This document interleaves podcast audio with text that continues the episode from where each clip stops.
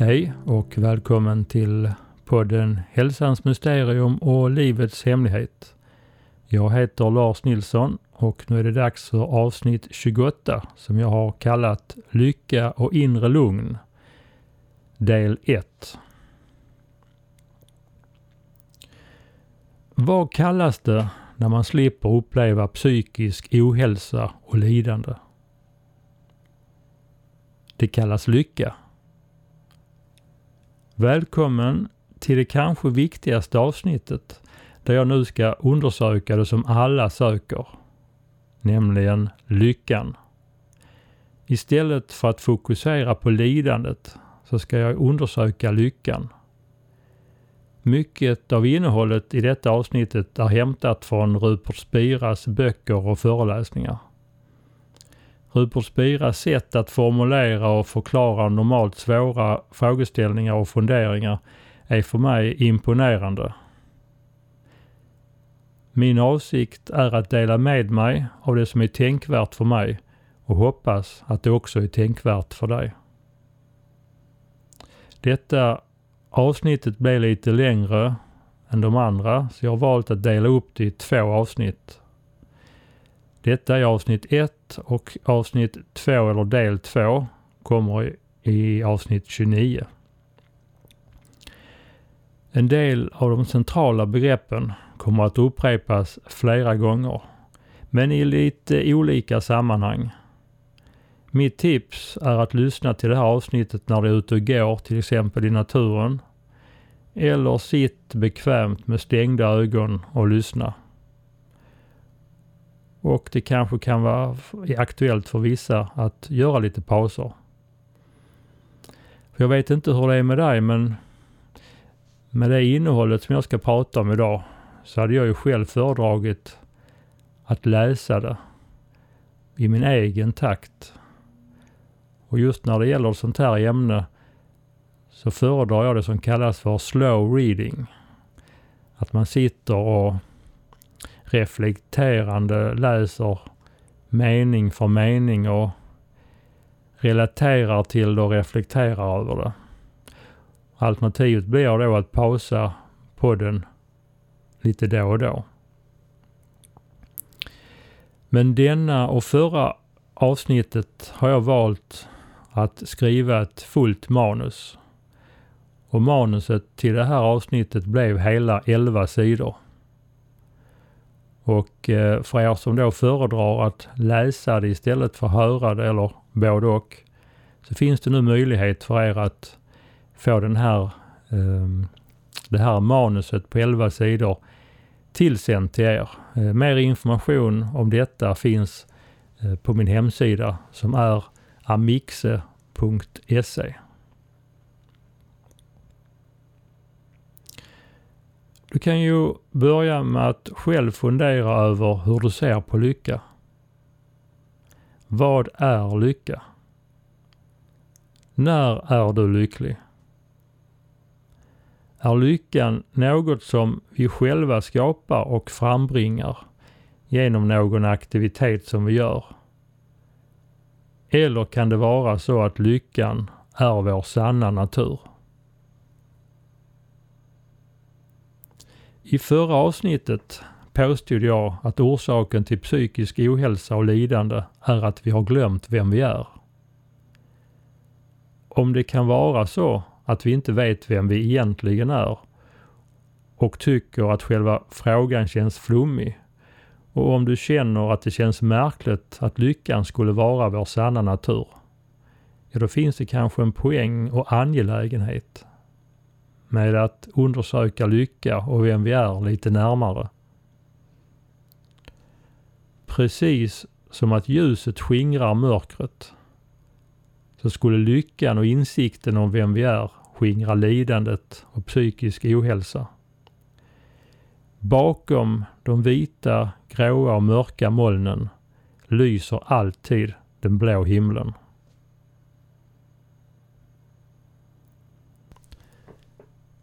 När man frågar personer om vad de helst vill ha i livet så är vanliga svar bättre hälsa, vänskap, ett bättre hus, ett nytt jobb, eller annat jobb, mer pengar, familj med mera. Men om vi skulle säga till dessa personer att om de visste att det de önskade sig skulle orsaka dem olycka, att om de visste att till exempel nästa relation skulle ge dem olycka, skulle de då fortfarande vilja ha det? Alla skulle såklart svara nej. Från detta förtydligandet borde det vara klart att det vi verkligen vill ha är inte relationen i sig, eller hälsan, jobbet, pengarna eller huset. Vad vi egentligen söker är lyckan, som vi tror kommer av att vi får det vi längtar efter.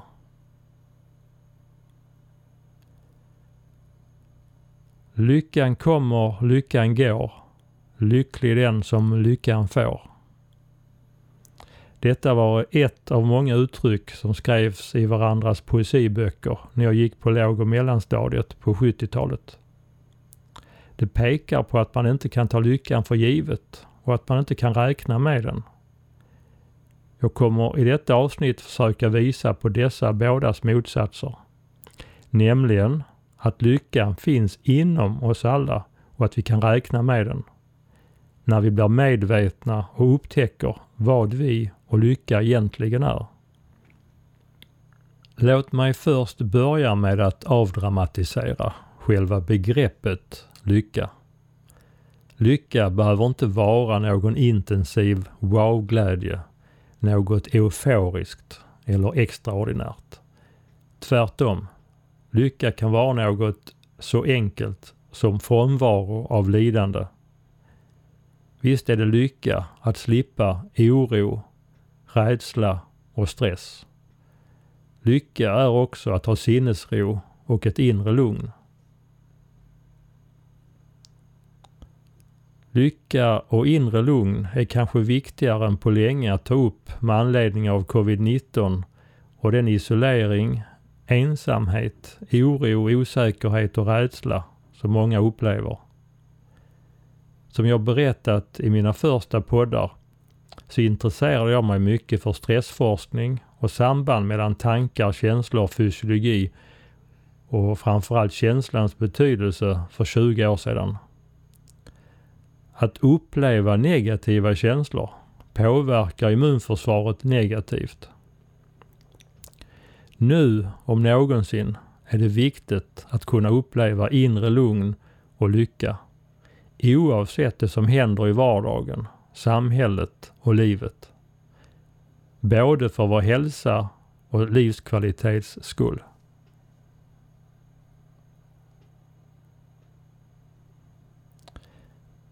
Vi har alla varit lyckliga många gånger och i samband med det har vi oftast gjort någonting innan. Som att vi vid fem års ålder blev lyckliga av att åka till badstranden. Att vid tio års ålder vinna en tävling i skolan. Att som tonåring uppleva sin första kärlek som gjorde oss lyckliga. Första jobbet eller studenten som 20-åring första huset eller barnet som kanske är 30-35-åring etc. etc. Allt detta är samma lycka. Vi upplevde samma lycka vid både 5, 10, 20, 30 och 40 år. Oavsett om man upplever lycka av att vinna på Lotto, nå ett mål, vara i naturen, meditera vakna utvilad eller få en kram, så är det samma lycka man känner. Det finns endast en lycka. Men lyckan kan ha olika intensitet. Och det kan se ut som att man behöver göra något för att bli lycklig.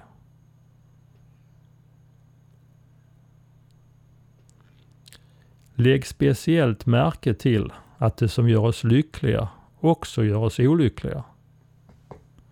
Annars skulle alla alltid vara lyckligt gifta med sin första kärlek. Vi vet att alla våra relationer kan både orsaka den bästa och sämsta upplevelsen. Om lyckan verkligen var ett resultat av någon aktivitet eller en relation, en substans eller ett objekt så skulle ju detta alltid skapa lycka. Men det faktum att en aktivitet, relation, substans eller ett objekt kan göra oss lyckliga en dag och olyckliga en annan dag. Då ger det egentligen oss all information vi behöver för att se klart. Att lycka inte kommer av objekt, substans, aktivitet eller relationer.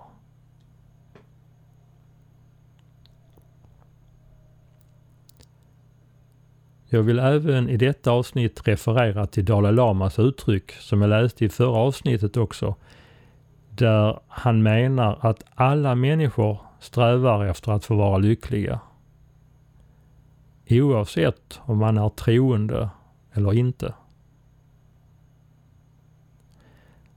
Att uppleva lycka och sinnesfrid är något som alla människor tycks eftersträva och längta efter. Varför är det så? Varför verkar alla människor sträva och längta efter att vara lycklig? Kan förklaringen vara att lyckan och stillheten är vår sanna natur och att vi därför har en naturlig dragningskraft och en inre längtan efter att vilja uppleva den eller det vi egentligen är.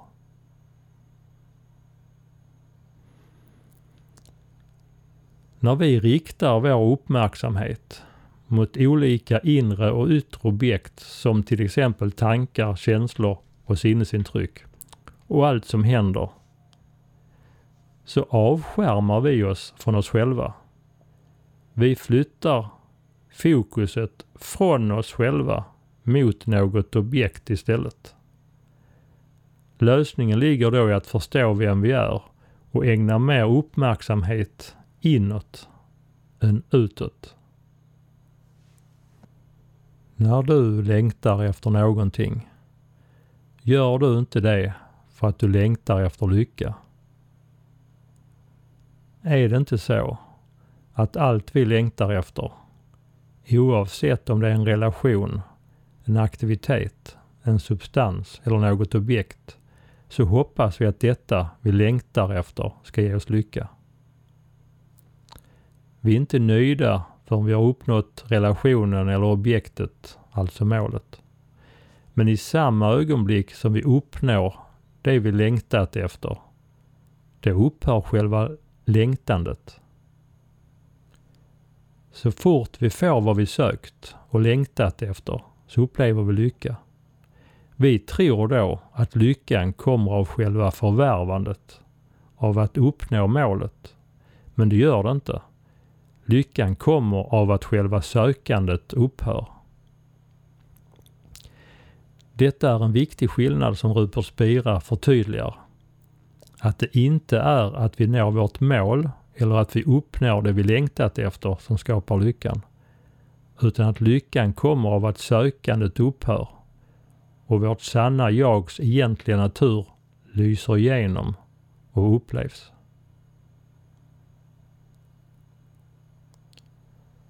Själva längtan som förekom innan måluppfyllelsen var det separerade sinnets aktivitet. Eller för att använda ett annat uttryck, det var det vi ibland kallar egot, det separerade självet. Så när vi uppnår målet slutar vårt separerade själv eller det ändliga sinnets aktivitet. Och när sinnet är utan längtan eller aktivitet så skiner vår sanna natur igenom. Vi upplever lycka när vi upplever vårt sanna jag, oss själva eftersom det är det vi är. Inte för att vi har fått det vi längtat efter. Det är alltså själva längtan, sökandet och begärets aktivitet som skymmer lyckan.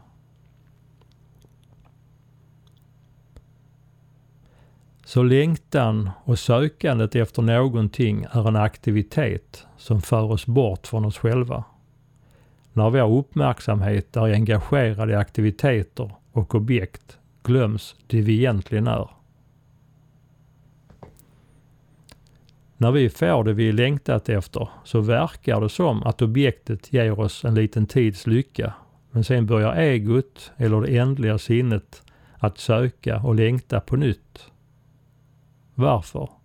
Jo, för att lyckan försvann och vi känner saknad. Vi känner oss separerade och då börjar vi söka på nytt. Allt sökande efter yttre objekt kommer alltid endast att ge oss kortvarig lycka. Långvarig lycka kan vi endast få genom att söka inåt och hitta och återupptäcka oss själva. Det finns ett japanskt uttryck som lyder Den dag du slutar upp med att resa så är du framme. Så själva längtan, sökandet och resandet för oss alltid bort från oss själva. Vi söker utanför oss själva. För att uppleva dig själv behöver du sluta längta och söka. Jag ska nu förklara det här på ett annat sätt. Föreställ dig en klarblå himmel. Om det dyker upp många moln så kommer den blå himlen att skymmas av molnen. Den blå himlen finns alltid där bakom molnen men vi ser den inte. Oavsett om molnen är vita, gråa eller mörka så döljer de alla himlen. Men om det plötsligt spricker upp en liten öppning bland molnen så kan det se ut som att den blå himlen är något som tillfälligt dyker upp. Men vi vet att den blå himlen finns där bakom hela tiden och att det istället är molnen som skymmer himlen. Vi vet också som jag diskuterade i förra avsnittet, att utan himmel skulle inte molnen kunna existera. Och vi nu föreställer oss att medvetandet och det vi egentligen är symboliseras av den blå himlen. Och att molnen symboliserar våra olika tankar, känslor och sinnesuttryck. Det vill säga att molnen symboliserar alla objekt som dyker upp i medvetandet. När medvetandet är tomt på moln så upplever vi oss själva. För just då kan vi inte uppleva något annat. För det finns ingenting annat just då att uppleva. Då upplever vi att vi är och att vi är medvetna. Sedan dyker det upp lite moln om vi vet att vi är den blå himlen och att det är upplevelsen av den blå himlen som är lycka, då kan vi förhålla oss till molnen på ett nytt sätt. Vi behöver inte längre lägga hela vår uppmärksamhet på molnen som dyker upp. Vi kan fortsätta vara medvetna om himlen och inte försvinna och förlora oss i molnen. Många personer tror att de är molnen. De är identifierade med dem. Även om det endast skulle finnas ett enda litet moln på himlen så skulle många personer ge just detta molnet hela sin uppmärksamhet. Så vad vi behöver göra är att lägga mindre uppmärksamhet på molnen, alltså objekten, och mer medvetenhet om himlen. Alltså medvetandet. Det är detta man tränar på i till exempel objektlös meditation. Att vara närvarande och medveten. Att uppmärksamma molnen men inte förlora sig i dem. Meditation lärs ju ut och förklaras på många olika sätt. Och jag tycker det är tråkigt att höra personer uttala sig generellt väldigt negativt om meditation när de märks att de inte har just den här kunskapen och förståelsen.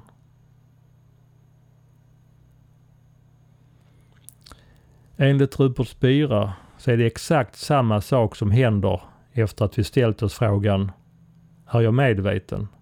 Som att vi uppnår det vi längtat efter. När vi säger till oss själva Är jag medveten? och sedan har en kort paus innan svaret ja dyker upp i medvetandet, så är det vårt ändliga sinne, vårt separerade själv som ställer frågan och svarar ja. Men den korta stund av tystnad som är efter att vi ställt frågan och innan svaret kommer gör att sinnet är utan tankar och när sinnet är utan tankar skiner medvetandet igenom. För att kunna ge svaret ja på frågan om jag är medveten så måste man gå bortom tankarna. Så tankarna och sinnets aktivitet upphör efter att sökandet upphör vid målgång. Med denna förklaring kan man tro att man måste vara utan tankar för att kunna uppleva sinnesro och lycka. Men det gäller endast så länge som du är en individ som är identifierad med objekten, molnen, i medvetandet, den blå himlen. När det inte finns några tankar eller andra objekt så kan vi bara uppleva vår sanna natur eftersom det inte finns någonting annat att uppleva just då. Men genom att förstå vår natur så kan vi vara medveten om den blå himlen även när det finns en massa moln. Vi kan alltså vara lyckliga med tankar och i händelser så länge som vi inte glömmer bort vem vi egentligen är. Vi kan ha sinnesro och vara lyckliga i vardagen, med eller utan tankar.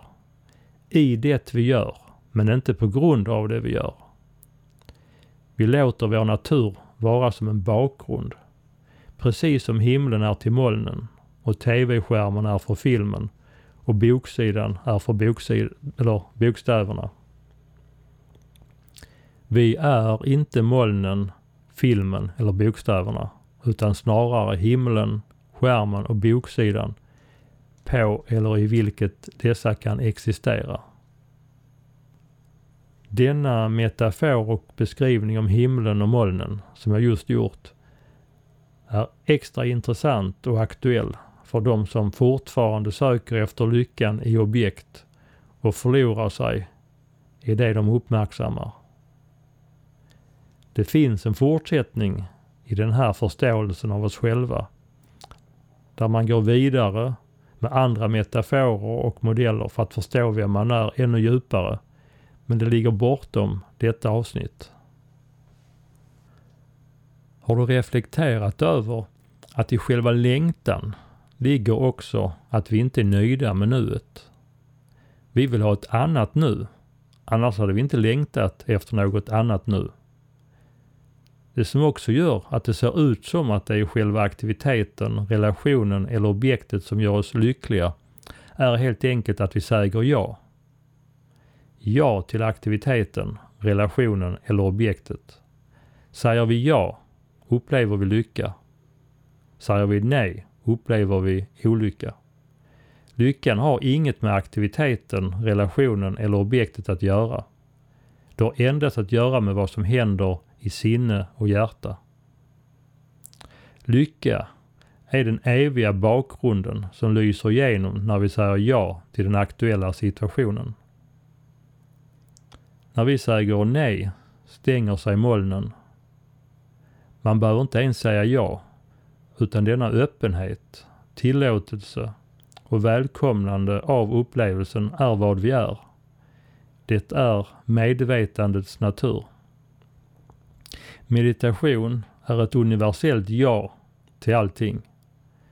Vår natur är öppenhet. Vad vi däremot gör, det som vårt sinne gör, är att säga nej. Vårt lidande är vår egen aktivitet. Ingen annan kan få oss att lida. Vi lurar oss själva om vi tror att det är vår partners beteende eller vår ekonomi eller hälsa som orsakar vår olycka. Lyckan är tillgänglig för alla under dygnets 24 timmar, från ögonblick till ögonblick. Kan du få en smak och uppfattning om hur friheten är tillgänglig för dig om du slutar göra motstånd? Kan du se det absurda i att bara vara lycklig när solen skiner utan moln på himlen? att lyckan beror på vädret? Ska du försöka förändra vädret eller ditt motstånd till det? Förstå att det är vårt motstånd till en situation, inte situationen i sig, som är obekväm.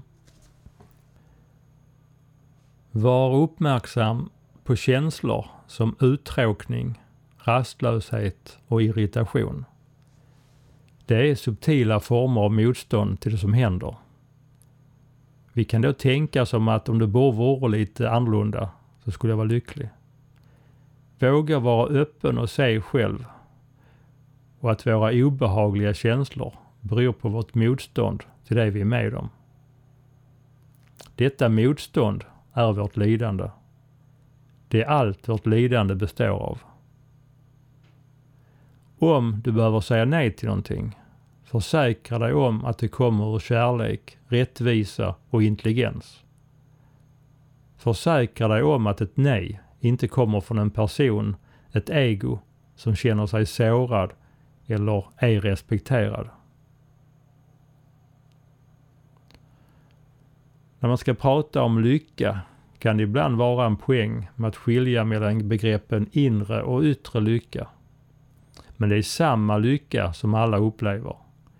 Det finns endast en lycka, vår egentliga inre natur. Yttre lycka är den lycka som vi tror beror på yttre omständigheter. Yttre lycka kallar jag den lycka som vi försöker framkalla eller skapa genom att söka efter något yttre objekt.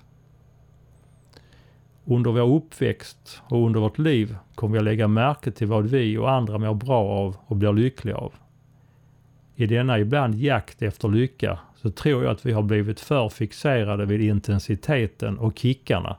Att vi inte insett betydelsen av inre lugn och frid. Jag har uppfattningen att för många räcker det inte med att känna lugn och frid. Vi vill vara lyckliga med hög intensitet. Och detta är inte realistiskt. Den inre lyckan beror inte på yttre omständigheter. Inre lycka bygger på uppfattningen att lycka är en av våra naturliga egenskaper. Vi upplever lycka när vi upplever vårt sanna jag eller egentliga jag. Upplevelsen av vårt sanna jag kan växla mellan olika känslor som lycka, kärlek, inre lugn, stillhet och sinnesfrid. Vi är detta. Enligt detta synsättet så blir all lycka egentligen inre lycka. Eftersom lyckan är vår egentliga natur så behöver vi inte göra någonting för att uppleva det. Lycka, liksom inre lugn, frid och kärlek är vad vi är. Det vi kan göra och som oftast görs, det är att hindra vårt sanna jag från att lysa igenom genom att till exempel förlora sig i det man uppmärksammar och sinnets aktiviteter. Eller så säger vi nej. Genom att säga ja till det innevarande ögonblicket kan man behålla lyckan. Krishnamurti, en indisk filosof, blev tillfrågad om hemligheten med ett lyckligt liv när han var gammal. Och han svarade I don't mind what happens. My happiness is not invested in experience. My happiness is invested in myself. Vilket man kan då översätta med till exempel Jag bryr mig inte om det som händer. Min lycka beror inte på det som händer. Min lycka beror på mig själv. Eller kan man översätta det så här också. Jag är öppen för det som händer. Jag låter inte min lycka bero på det som händer. Jag är själv ansvarig för min lycka.